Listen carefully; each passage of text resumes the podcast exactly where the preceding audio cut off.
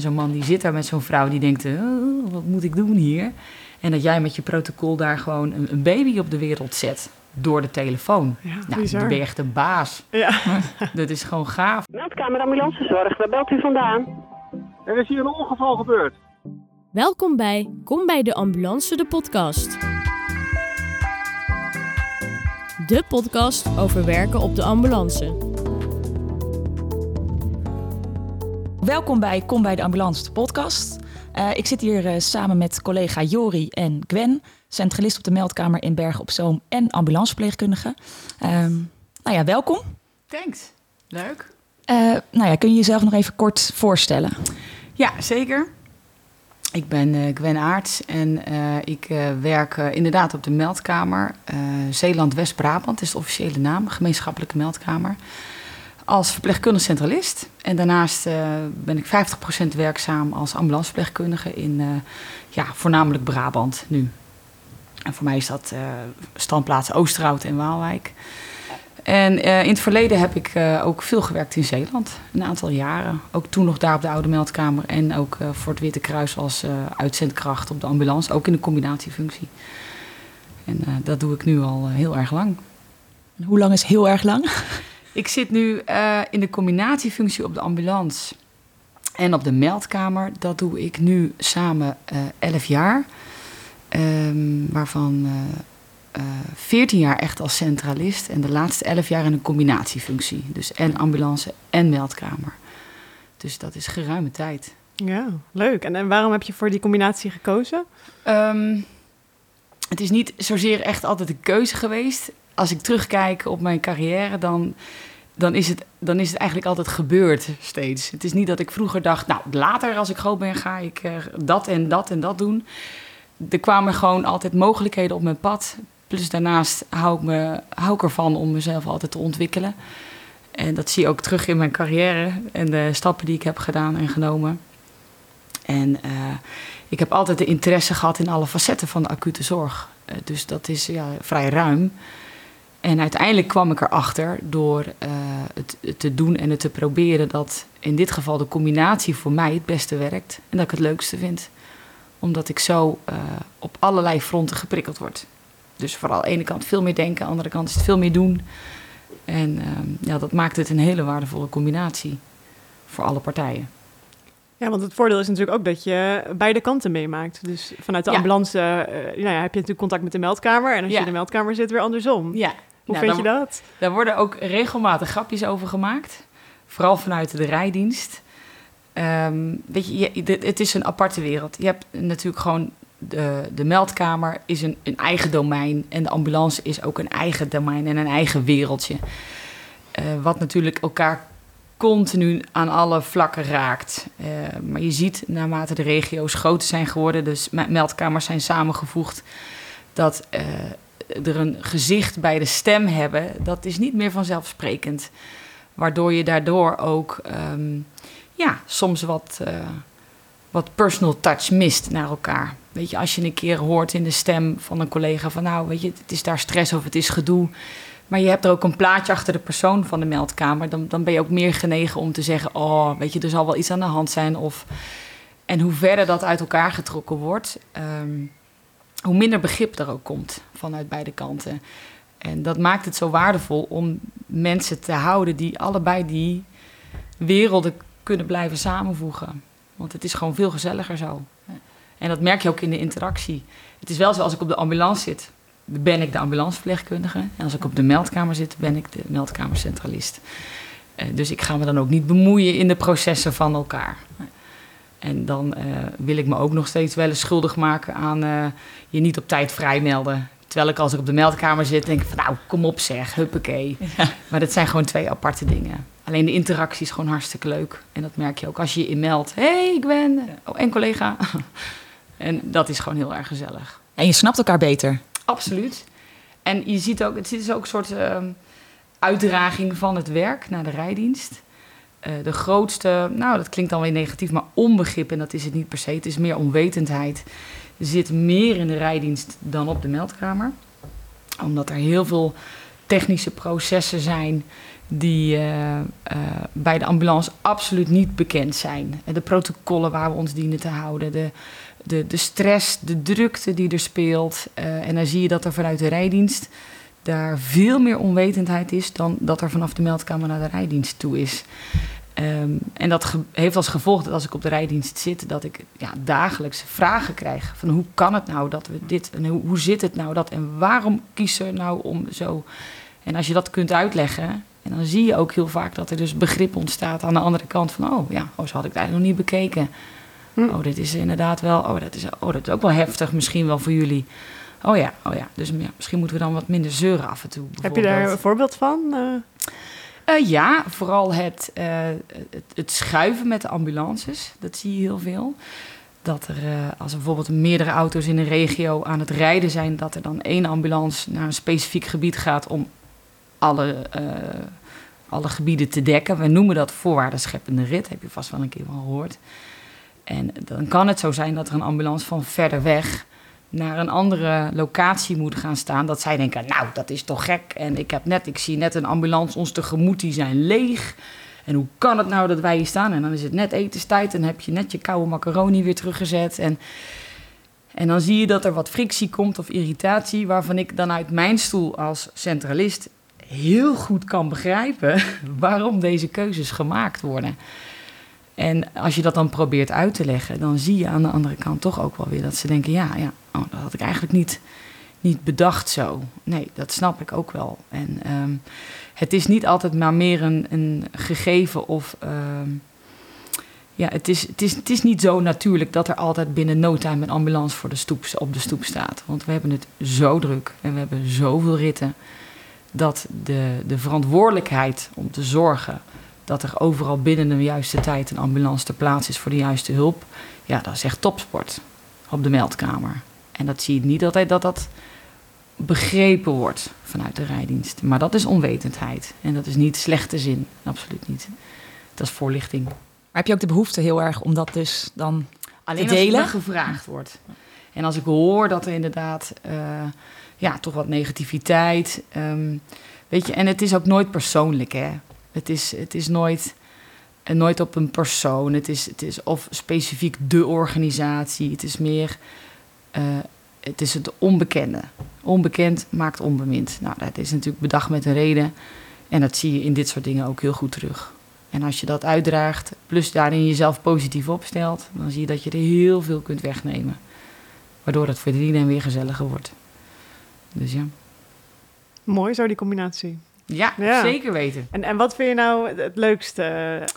Dat is een vraag die, heel vaak, die ik heel vaak voorbij eh, krijg. Of te horen krijg. Ehm, mijn primaire passie ehm, neigt altijd toch wat meer naar de ambulance. En dat is ook een beetje omdat ik daar ooit begonnen ben. Hè, wat, wat, wat ook mij, eh, de contact met de mensen, het kunnen zorgen, de empathie die je daarin kan hebben, het verschil wat je ook daarin kan maken. Maar het zit niet ver naast 50-50 hoor, meer. Omdat je, als je groeit in je werk als centralist, dan, dan merk je ook... en je systemen zijn je heel erg eigen... en eh, alle, alle, alle rand en alle prikkels en die, de dingen die er spelen... en als je dat allemaal een plekje hebt gegeven... merk je dat je ook heel veel kwijt kunt in je werk als centralist. Ehm, en voor mij is het zo dat je op de meldkamer... Weet je, aan het einde van de dienst zit je hoofd vol met watten... en dan is het de oren toeteren en je, je, weet echt, je kan bijna geen externe prikkels meer verdragen. Eh, dat je bijvoorbeeld naar huis rijdt als iemand jou dan belt. Dat je echt denkt, nou, dit is echt, dat gaan we even niet doen, dit telefoontje. Ehm, dus je bent vooral in je hoofd heel, heel druk bezig. En op de auto is het meer met de rest van je zintuigen. Het zien en het ruiken en het voelen en het ervaren. En het, eh, ehm, dus die combinatie samen maakt het voor mij persoonlijk heel erg leuk. En ik merk ook wel als ik bijvoorbeeld een aantal diensten binnen heb gezeten, dat ik denk, oh, ik heb weer zin om naar buiten te gaan. En als ik weer twee weken buiten ben geweest, denk ik, nou, ik vind het wel weer leuk om even naar binnen te gaan. Dus ja, voor mij persoonlijk werkt dat echt het, eh, het allerbeste. En als je dan ehm, nou ja, een, een melding krijgt, Ja. zie jij dan ook, heb je dan een beeld voor Ja. je? Zie jij het? Ik kan me voorstellen dat je zoveel op straat bent, dat je dat ook veel meer ziet inderdaad. Ja, dat is zeker leuk. Want ehm, als ik inderdaad iemand aan de lijn krijg En eh, die staat bijvoorbeeld bij een ernstig ongeval met een auto. Nou, mensen die op de ambulance weten, die zullen dat echt wel, of werken, die zullen dat echt wel herkennen. Dus een groot ongeval, dat heeft een bepaalde geur. Eh, koelvloeistof die auto, blikschade, de ijzer die je ruikt. En dat is een bepaalde setting. Dat, dat voel je, dat, dat zie je, dat ruik je. Ehm, de stress die er bij, bij mensen zit, de angst die erbij komt kijken. Als ik op de meldkamer zit, door de ervaring die ik heb, ik heb daar meteen een beeld bij. Dan denk ik, ja, ik snap hoe dat in elkaar zit. Ik begrijp hoe heftig dat is voor die mensen om te zien. De machteloosheid die ze ervaren, de, eh, het aanblik van, van, van slachtoffers met of zonder bloed of ellende. Dat, eh, ja, dat, dat die machteloosheid die mensen voelen, de melders dan in dat geval, eh, als je dat je, je heel goed kunt, eh, als, je dat, als je dat besef hebt, dan kun je ook vaak makkelijker door die emotie prikken. Om te zeggen, omdat ze zich gehoord voelen. Ik, ik begrijp wat je voelt, ik, ik zie, ik snap het. Maar we gaan je helpen. En dit is wat we gaan doen. En daardoor zijn de gesprekken die ik. Ik heb zelden moeilijk, moeilijke, zoals wij dat noemen, melders aan de lijn. In de eerste instantie soms wel. Maar daarna dan eh, krijgen ze heel makkelijk mee in de dingen die ze moeten doen. En dat heeft deels met mijn ervaring op de ambulance te maken. Ja. Hm. Op een of andere manier voelen ze dat toch ook wel aan. Dat je gewoon goed kan inleven. Ja, ook. een bepaalde inlevingsvermogen. Of dat ze denken van, oh, oh, die mevrouw vindt het ook erg aan de telefoon. Hè? Ja, het is ook heel erg. Dus ehm, ja, dat wekt dan ook weer empathie. En mensen voelen dat, mensen horen dat. Waardoor je dan eh, ja, mensen ook weer makkelijker meekrijgt. Ja. Is dat ook wat jou dan zo aantrekt aan werken op de meldkamer? Ja, het is zo dat bijna alle melders die we krijgen, die hebben een gevoel van eh, stress, machteloosheid. ehm, maar zijn eigenlijk allemaal bereid om iets te willen doen. Anders zouden ze niet bellen. Want iemand die 112 belt, is eh, per definitie bereid, eigenlijk, bijna, om iets te doen. Anders hadden ze ook geen 112 gebeld. Want daar begint de hulp mee, voor een leek telefoon pakken, nummer intoetsen en denken: ik moet een verschil maken voor iemand. Daar houdt ook de kennis vaak op voor de gemiddelde Nederlander. Er een keer een vage BHV-cursus of een E EHBO-stoffig diploma uit het verleden. En ehm, dus tot daar het nummer bellen en vertellen waar ze dan precies zijn, dat is soms al een hele opgave. Ehm, tot daar lukt het meestal wel. En dan zie je dat het ophoudt. En dan, dan, dan nemen wij het echt helemaal over van alles. En als je mensen dat gevoel kunt geven, dat zij niet degene zijn, ook al hebben ze gebeld, die dingen hoeven te beslissen. Of eh, eh, dingen moeten doen waar ze echt zich niet prettig bij voelen. Het moment dat ze dat gevoel krijgen dat wij ze de zorg uit handen nemen, maar we ze wel nodig hebben nog verder om, om de juiste informatie te krijgen, krijg je eigenlijk bijna elke melder mee. In, de juiste, in het geven Hm. van de juiste informatie. Mooi, ja. En, Ja. en word je daarin opgeleid? Krijg je dit eh, Ja. te leren? Ja, zeker. Want eh, ja, 80% eh, in onze communicatie doen wij non-verbaal. Dus dan blijft er nog maar heel weinig over om eh, een goed gesprek met iemand te kunnen voeren. Als jij gezichtsuitdrukkingen, geur, beleving, dat soort zaken allemaal eh, wegfiltert, dan is het alleen nog maar je intonatie. En het heel goed kunnen luisteren naar wat mensen nou eigenlijk bedoelen. En dat is waar ze in de communicatietraining echt wel heel veel aandacht aan besteden. Maar dat zijn ook wel gedragingen en, eh, en kennis en kunde die je in je loop van je tijd langzaam ontwikkelt. En je zult echt wel merken dat in het begin een gesprek dat je denkt, nou oké, dat moet ik echt niet meer zeggen tegen iemand die dat heeft meegemaakt. Of dat is, eh, nee, dat is niet verstandig dat ik dat, eh, soms trigger je dingen Mhm. en daar leer je zelf van. Heb je daar een voorbeeld van? Eh, je ziet dat het bij nieuwe of verse centralisten, om het maar zo te zeggen, die, die zijn geneigd bijvoorbeeld om heel vaak, die hebben nog wel stiltes tijdens gesprekken, want dan zitten ze zo in hun systeem en de uitvraagprotocollen en bezig met hun eigen proces, dat je nog iets moet lezen en iets moet aanklikken, dat je denkt, oh, ik heb ook nog iemand aan de lijn die nu zit te luisteren naar wat ik moet gaan doen. Ja. En dat zijn stiltes die bijvoorbeeld wel eens vallen. Ja, daar moet je, daar moet je in groeien zelf.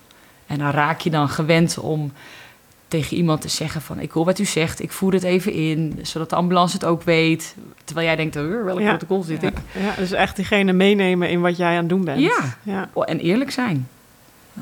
Dat is de, de grootste... Ik denk een heel groot goed. Eerlijk zijn tegen mensen.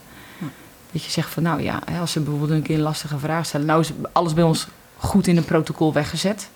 Het uitvragen. Maar op een gegeven moment ben je door je protocol heen natuurlijk. Als je er iemand te lang aan de lijn moet houden en, en mensen stellen vragen, dan ja, soms weten wij het ook niet. Ja, dan mag je ook gewoon wel zeggen, ik weet het ook niet. Ja, ik vind het echt heel verschrikkelijk. Ja, ik vind het ook heel verschrikkelijk voor u. Ja, dat is het ook. En dan? Ja.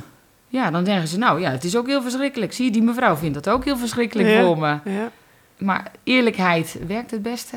En dan toch wachten gewoon tot de ambulance Ja. er is, zodat die meer natuurlijk kan zien. Ja. Maar we zullen ten alle tijde mensen aan de lijn blijven houden als het niet goed gaat. En er zijn nog zat dingen die we graag zouden willen weten totdat er een ambulance is. Of eh, wat we heel vaak doen is dat we opnieuw dingen gaan controleren. Zodat we altijd in de gaten houden of dingen beter gaan of slechter gaan soms. En eh, ja, soms heb je hele mooie gesprekken met iemand aan de telefoon. En dan hoor je een heel levensverhaal Ja, ja. in de tijd dat er een ambulance is. Weet je alles van die mensen? Ja. Kun je iets vertellen over een verhaal of een gesprek dat je heel erg is bijgebleven? Ja, dat zijn, uiteindelijk zijn het vaak wel de, de, de droevige kanten die het meeste indruk maken. En omdat het dan het meeste indruk maakt, zijn dat de dingen die ook vaak het beste blijven hangen. Ehm, maar dat wil niet zeggen dat het dan altijd slecht hoeft te zijn. Eh, de mooie verhalen zijn bijvoorbeeld als een centralist een keer, eh, in, ook was bij mijn geval, als je je eerste bevalling doet door de telefoon. Dat je denkt, dat hebben we toch gewoon gefixt. En zo'n man die zit daar met zo'n vrouw die denkt, eh, wat moet ik doen hier? En dat jij met je protocol daar gewoon een, een baby op de wereld zet door de telefoon. Ja, Nou, bizar. dan ben je echt een baas. Ja. Dat is gewoon gaaf. En dan hoop je dan stiekem dat je dan nog een keer je naam laat vallen. Hè? Van, is het toch een meisje? Ja. Ja. Ik vind Gwen wel een hele mooie naam. ik heb dat wel eens gezegd in het verleden. ja, En wat dan, leuk. ik, hè, dat je bijvoorbeeld een week of twee later via een huisarts, want die weet dan waar de meldkamer zit, een, eh, brief krijgt met een geboortekaartje en het verhaal van hoe die moeder dat beleefd heeft. En dat, dat geeft dan een hele andere dimensie. Ja. En dat zijn echte excessen, want het gebeurt natuurlijk niet dagelijks. Ehm, maar zo heb je natuurlijk ook de andere kant van de medaille, is dat mensen aan de telefoon echt aan het overlijden zijn. Waarin je weet dat het eigenlijk niet echt meer in elk protocol past. Waar je toch denkt, ja, weet je, als we dit moment missen nu, je kan het niet overdoen. Hè? Waarin je dan toch iemand instrueert om te zeggen van, goh, eh, dit is wel, iemand is, hij is nu wel aan het overlijden, je vader bijvoorbeeld. Hè? En die heeft uitgesproken dat hij niet gereanimeerd dient te worden. Dan gaan we dat ook niet doen. Wil niet zeggen dat iemand nu aan het overlijden is. En dan, ja, dan zijn we echt genegen om te zeggen van... nou, weet je, ga er maar bij zitten dan. Pak zijn hand maar vast, hè. zeg maar dat je van hem houdt. En is er nog andere familie die erbij wil zijn? Dat zijn echt de laatste momenten van iemand... waar jij dan ook in kunt instrueren... zodat ze die niet voorbij kunnen laten gaan. Want je kunt het niet een keertje overdoen. Van had ik maar erbij of... Ja, dan hoor je echt wel dat mensen aan de telefoon afscheid aan het nemen Ja. zijn. Heel Als je bijzonder. dat kunt doen voor iemand, Ja. dan is het traumatiserend en nog steeds een groot trauma. Maar het is wel mooi dat je dat Ja. ze toch hebben kunnen meegeven. Dat ze denken, oh, we waren erbij en hij is toch rustig heen gegaan. Ook al was het onverwacht. Dat is topzorg. Ja. Ook door een telefoon. En, want dan, dan is, komt later komt de ambulance daar Vaak aan. Ja. Ja. Maar schakel je dan ook nog met de ambulance? Helemaal omdat je natuurlijk die mensen eigenlijk allemaal kent, omdat het allemaal collega's zijn. ja. Heb jij vaker dat je gesprekken of meldingen die je binnenkrijgt later nog eens checkt van joh, hoe is dat nou afgelopen met? Of Ehm, ik moet zeggen dat ik dat niet zo heel vaak doe. En dat, dat komt vooral omdat je eigenlijk het verloop. Ja, je kunt dat al uittekenen door je ervaring en je jaren. Dus je weet hoe het afloopt, je weet hoe het is voor ze. Dus ik laat dat een beetje over aan de ambulancebemanning. Want vaak hebben zij wel een vraag van hoe kwam die melding nou eigenlijk binnen? Vooral als het iets totaal anders is dan wat zij tegenkomen, als wat de melding was bijvoorbeeld. En het is echt in uitzonderlijke gevallen dat ik zelf denk... Nou, die kan er echt helemaal niks van maken. Dan wil ik nog wel eens even peilen bij ze van... Nou, wat, wat, wat was dit? En dan eh, wil ik dat nog wel eens navragen. Maar over het algemeen kun je door je ervaring het verlopen uitstippelen. Het, de, de rit naar het ziekenhuis heb je helder. Je weet wat de vervolgzorg in het ziekenhuis gaat zijn. En waarschijnlijk heb je al een beeld hoe mensen dan wel of niet in het gips... of naar een verpleeghuis of et cetera. Ja, Hm. je weet hoe dat gaat. Ja. Heb je daarom ook dat je juist de, de onverwachte telefoontjes en dat je niet weet wat er daarna gebeurt, dat je dat het meest interessant vindt? Ehm, ja.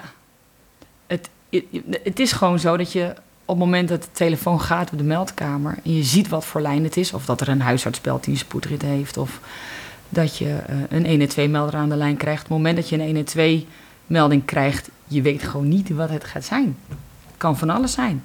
Kan iemand die totaal over de flos is omdat hij in zijn vinger door zijn kat is gebeten. Het kan ook zijn dat iemand op het randje van de flat staat en die zegt: Ik ga nu springen. En alles wat daartussenin zit.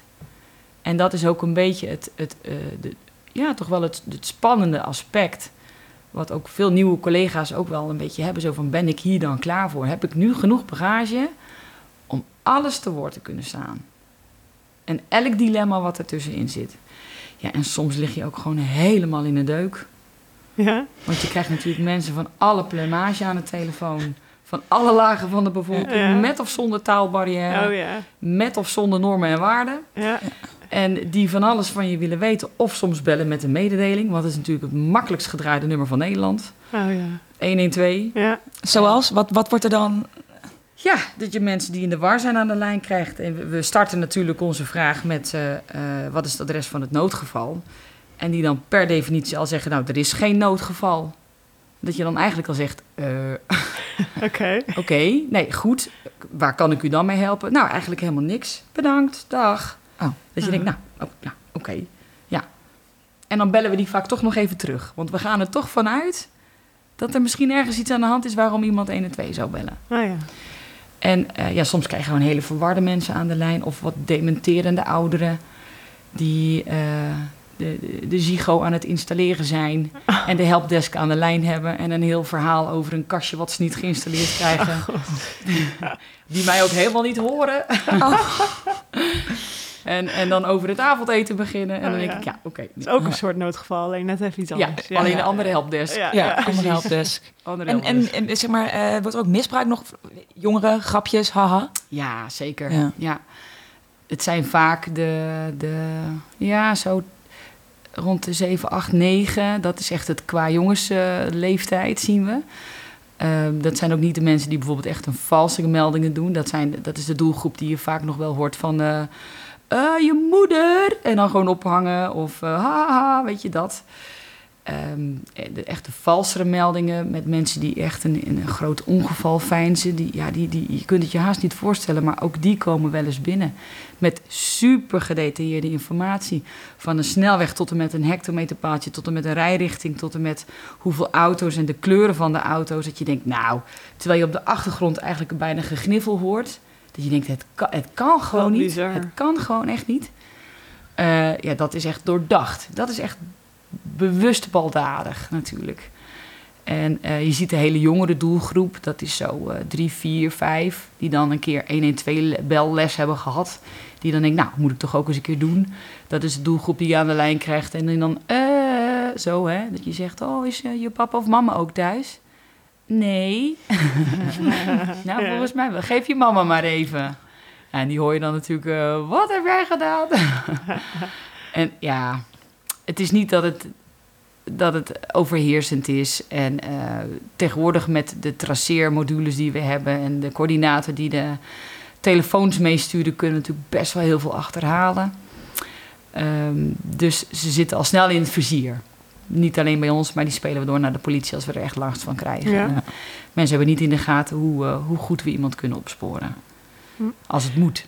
En, en heb je nog eh, tips voor mensen die, eh die eh 112 bellen en die dus eigenlijk helemaal niet goed weten Ja. van, nou ja, Ja. wat doe ik dan eigenlijk precies? Ja, dat is ook een goede vraag. De belangrijkste tip, en dat is ook voor de mensen die nog nooit 112 hebben gebeld. maar zeker ook voor alle mensen die een EHBO-les hebben gehad of een BHV-les hebben gehad. En daarbij eh, les hebben gekregen in hoe zij dan 112 moeten bellen met alle informatie die ze moeten verstrekken. Nou, helaas, pindakaas. Dan haal ik ze meteen uit de droom. Want het enige wat ze moeten doen is luisteren. Luisteren naar wat de centralist ze vragen. En niet de hele doopcel lichten, vertellen van voor tot achter en gisteren en vorige week wie zijn tante, waar zijn hond en wie wat, waar, wanneer uit het raam is ge- gevallen en eh, wat de buurvrouw daar nou allemaal niet van vond. Maakt ons helemaal niks uit. Wij willen gewoon dat je heel goed luistert naar de vragen die we stellen. Want hoe beter mensen luisteren, hoe sneller alle juiste hulp is gestuurd. En dat is de tijdswinst. Want binnen een aantal seconden is er al een ambulance op pad. Zodra wij een adres en gegevens hebben, gaat er al iemand die kant op. En alles wat er daarna komt, is de juiste en de beste zorg voor een slachtoffer. En die krijgen wij het beste als mensen luisteren naar de vragen die we stellen.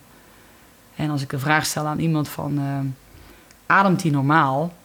En ik krijg terug, ik ben toch geen dokter? Dan denk ik, ja, nee, dat vraag ik ook niet aan je. Ik vraag of iemand normaal ademt. Ik vraag niet of je 25 jaar geneeskunde hebt gestudeerd. Of die daar iets van vinden. Of die dan gaan zeggen van, nou, eh, ik heb daar niet voor gestudeerd. Snap ik. Ja. Vraag ik ook niet aan je. Maar dat is de angst die mensen vaak hebben, dat ze iets verkeerds doen. En dat hoeft niet. Dus luisteren, allerbelangrijkste tip. Luisteren naar wat de centralist je vraagt. En dan komt het allemaal goed in de hulpverlening. Ja, dat scheelt. Ik En hopelijk ook met Ja. de patiënt. Ja, Dat Ja. hoop je natuurlijk. Hey, we hebben helemaal nog geen, eh Nee, geen dat vragen ook nog te gepakt. denken. We zitten zo in het gesprek. ja. Zullen we Misschien zijn er wel wat een, vragen eh, beantwoord ondertussen. Maar ja, pakken. snap ik. ja, Moet ik ja. eentje pakken? ja, mag. Ik zal eens kijken. Deze.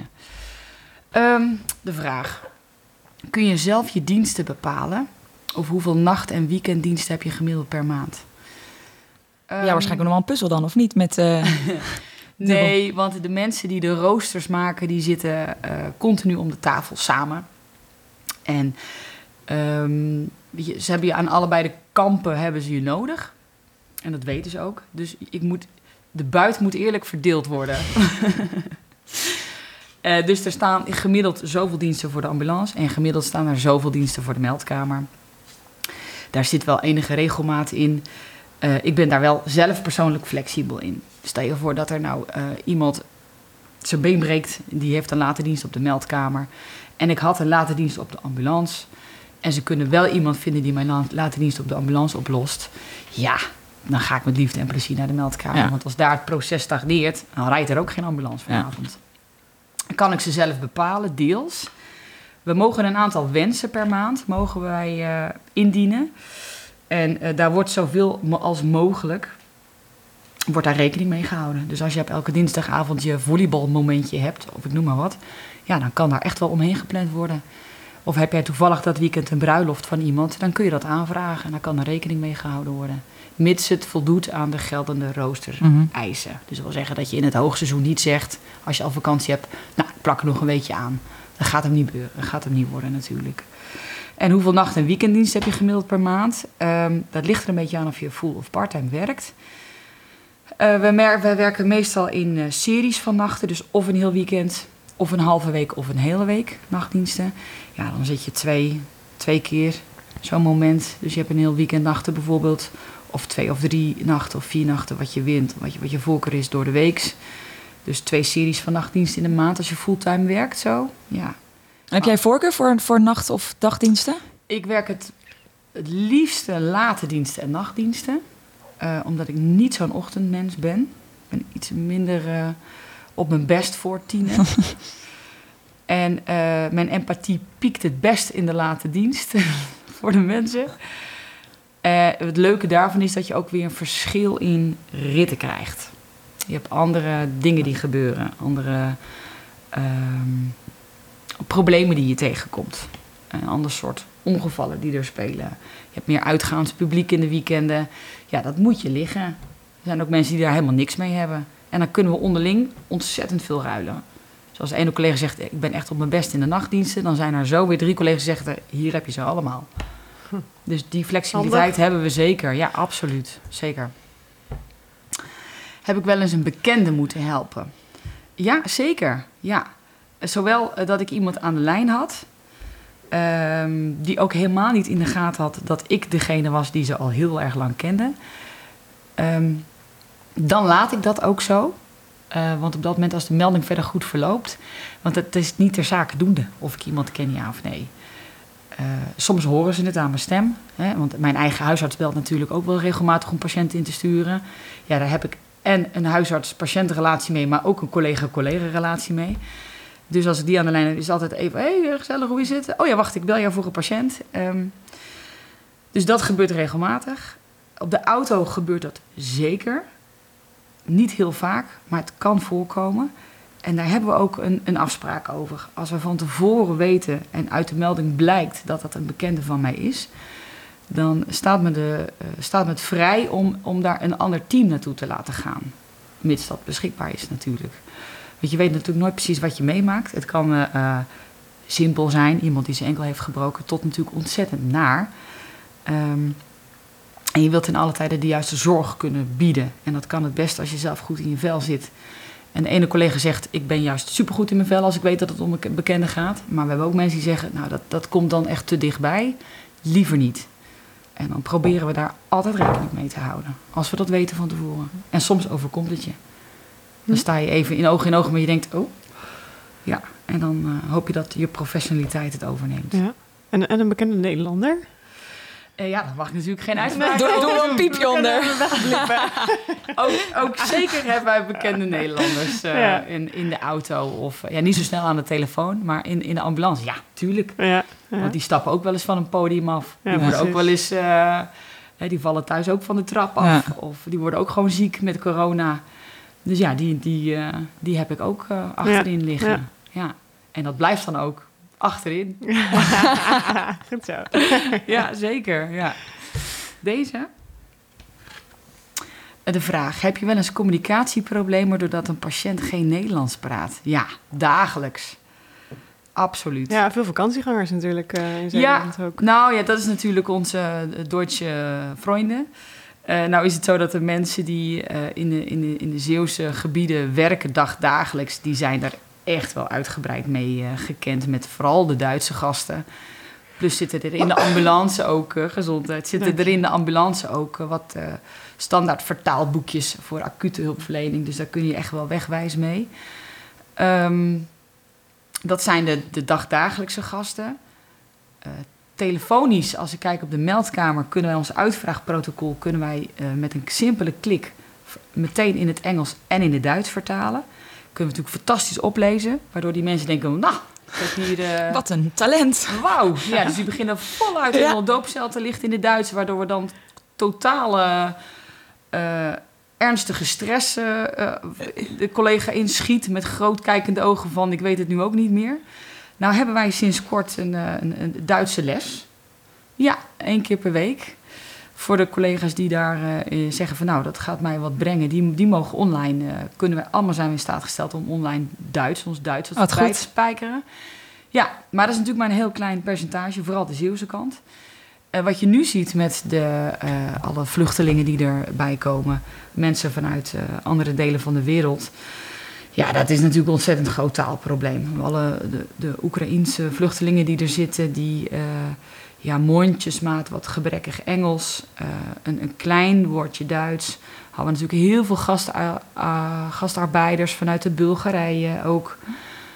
Um, ja, dat en Polen, dat, dat, dat was heel problematisch. Nou hebben wij een tolkentelefoon. Die kunnen wij 24 uur per dag, 7 uur dagen per week, alle dagen in het jaar, kunnen wij die bellen. meestal laten we dat over aan de ambulance zodra zij ter plaatse komen. Want aan de telefoon een gesprek via een tolk, via via. Dat is eigenlijk niet te doen. Uh, op de meldkamer kiezen we dan voor een specifiek protocol. Waarin staat ook letterlijk: taal wordt niet begrepen door een collega van de meldkamer. Geen idee wat je daar gaat aantreffen. Gaan we eigenlijk altijd kijken. Op het moment dat er een ambulance ter plaatse komt. en we vogelen uit wat voor taal het gaat. want dat weet je soms ook nog niet eens. Dan kunnen ze bij ons op de meldkamer het verzoek doen om iemand te vinden die die taal spreekt. En dan brengen wij ze in contact met een tolk die dan één op één voor hun gaat vertalen. Maar dat is het dagdagelijks komt dat uh, voor. Ja, goed zeker. geregeld. Ja. Ja. ja, dat is absoluut goed geregeld. Ja. En het is soms met uh, handen en voeten. En dat is heel lastig als je alleen maar een telefonische verbinding hebt. Ja, Dat is lijkt me lastig, ook, ja. Dat is een Ja. uitdaging. Ja, dat is het zeker. En heb je er ergens nog een grappig eh, voorbeeld van? Die, die je weet, wat echt een spraakverwarring kan natuurlijk ook. Of Ja, nou kennen we natuurlijk allemaal die, com- die, die, die, die commercial van, eh, van, van die boot, van de Duitsers. Hè? Van, eh, dat, dat je niet weet eh, waar ze zijn. En ik kom er zo even niet op, maar waarschijnlijk slaan er echt wel mensen op aan. Maar ehm, het, het, het lastigste is dat. ehm, ja, weet je, de, de, de, de specifieke Duitse termen, zoals vriendelijkheid, of dat, dat, dat je echt denkt van waar heeft hij het over? Dat ze het over duizelen, duizelingen, of hè, dat, dat je denkt dat iemand over een, een, een teen praat, hebben ze het over een gebit, of dat je geen idee hebt. En dan zie je dat bijvoorbeeld de oosterburen eh, gewend zijn om veel laagdrempeliger 112 te bellen. Dus ook als iemand een stoeptegel op zijn pink laat vallen bijvoorbeeld, dat zie je dat er vaak sneller gebeld voor, eh, wordt. Eh, ook daarnaast omdat ze ga, als toerist ook niet de weg weten die ze dan wel moeten bewandelen. Dus je kunt het ze dan ook weer niet kwalijk nemen. Ehm, waardoor je soms met een ambulance te plaatsen komt bij iemand of, of een situatie waarvan je denkt, nou, weet je, dan, dan, dan denk je omdat je de taal niet begrijpt dat het allemaal heel ernstig kan zijn. Eh, en, en dat iemand belt omdat zijn yoghurt over de datum is, bijvoorbeeld. Maar je kan het gewoon echt niet verstaan. Je hebt geen idee. En dan denk je, je ga maar kijken, want ik weet het niet. Kan van alles zijn. En dan gaan we ervan uit dat het iets medisch is. Ja, maar dat hoeft dus niet altijd. En dan Kom je eraan, de yoghurt is over de datum. Ja, ja je echt, joh, ik kan boeken schrijven. Ga dat nog doen? Ik, nou, ik weet het niet. Want er zijn natuurlijk best wel wat collega's die dat ook al hebben gedaan. En ehm, uiteindelijk blijft de strekking van de verhalen hetzelfde. Als, al weet ik ook dat het altijd mooie verhalen zijn die de mensen graag willen, willen horen. Ja, Ja. of feestjes en partijen. Ja. Dat is wel de standaardvraag. precies. en ook de dooddoener vaak hè, voor mensen op een ambulance. Wat is je ergste rit? Oh ja, ja. Ja, dan gaan we op dit verjaardag, deze verjaardag gaan we daar niet over spreken. Laten we het leuk houden, ja. Precies. En waar we het nog helemaal niet over gehad hebben, is dat jij ook ambulancechauffeur bent geweest. Ja, dat klopt. Hoe is dat gegaan? Hoe ben je nou hier terechtgekomen uiteindelijk? Ehm, ik kom net als best wel heel wat ambulancechauffeurs... kom ik uit de achtergrond van Defensie. Ik ben een beroepsmilitair geweest. En ehm, in de tijd dat ik als ambulancechauffeur werkte... was, er het was eigenlijk de... de, de wilde je, eh, was de aanname-eis een groot rijbewijs. En dan bedoelen ze ook gewoon echt een C-rijbewijs. Niet C1, zoals het tegenwoordig eh, kan, maar gewoon echt een vrachtwagenrijbewijs. En affiniteit met de zorg. Nou, dat is natuurlijk compleet twee verschillende werelden... wat je dan eigenlijk in de functie-eisen wegzet. Maar wel vanuit Defensie natuurlijk een super herkenbaar kader. Want bijna elke militair die daar in, in een functie zit... wordt deels medisch opgeleid. En dan heb je ook de militairen die dan ook nog eens in de medische dienst werken. Die allemaal hun vrachtwagenrijbewijs krijgen, omdat ze natuurlijk overal naartoe moeten rijden. Eh, dus dat was natuurlijk een ontzettende mooie broedplaats voor toekomstige ambulancechauffeurs. Dus je ziet dat in heel Nederland er heel veel mensen vanuit Defensie zijn doorgestroomd richting een ambulancechauffeursfunctie. En dat was voor mij niet anders. Dus toen ik vanuit Defensie als ambulancechauffeur ging werken, eh, toen had ik wel zoiets, nou eigenlijk al anderhalf, tweeënhalf jaar, dat ik dacht, ja, dat is heel erg leuk dit. Ehm, Het alarm. Het alarm. Oh, Maar maak je verhaal af. Oh, ja. Toen dachten we wel van, eh, ja, dit is heel erg leuk, maar ik, dit, ik wil nog wel wat meer dan dit. En toen ben ik verpleegkunde gaan studeren. En toen was ik verpleegkundige en toen dacht ik, nou, meldkamer kan ik ook doen, want dan moest je ook verpleegkundige voor zijn. Ga je verder specialiseren met alle, alle SCH's, IC's en dat soort zaken. En denk ik, nou, dan kan ik misschien ook nog wel ambulanceverpleegkundige worden. Ja, en uiteindelijk na al die jaren heb je al die diploma's op zak van, eh, van de diploma's die er te halen zijn binnen de ambulancewereld. En dan zit je ineens in een heel eh, kleinschalig gezelschap van, nou, wat zijn het? Ik denk nog geen tien mensen in Nederland. Ik, weet, ik zou het echt niet durven zeggen. Die al die diploma's op zak hebben. Maar dit is niet dat ik dat van tevoren bedacht. Dat is gewoon zo gelopen. Maar ja. Waar je over tien jaar zit en welk diploma je dan nog Ik hebt, heb weet je ook idee. niet. Nee, ik durf het niet te zeggen. Maar het is wel zo dat je in dit werk nooit bent uitgeleerd. Lijkt me een mooie afsluiter. Ja. Dat dacht ik. Nou, dankjewel Ja, voor jouw eh, verhaal. Eh, en ook dank aan de luisteraars. En eh, nou ja, tot een volgende editie. Zeker weten. Veel plezier. Bedankt voor het luisteren naar Kom bij de Ambulance, de podcast. Ben je enthousiast? Of wil je meer weten over het ambulancevak? Kijk dan op kombijdeambulance.nl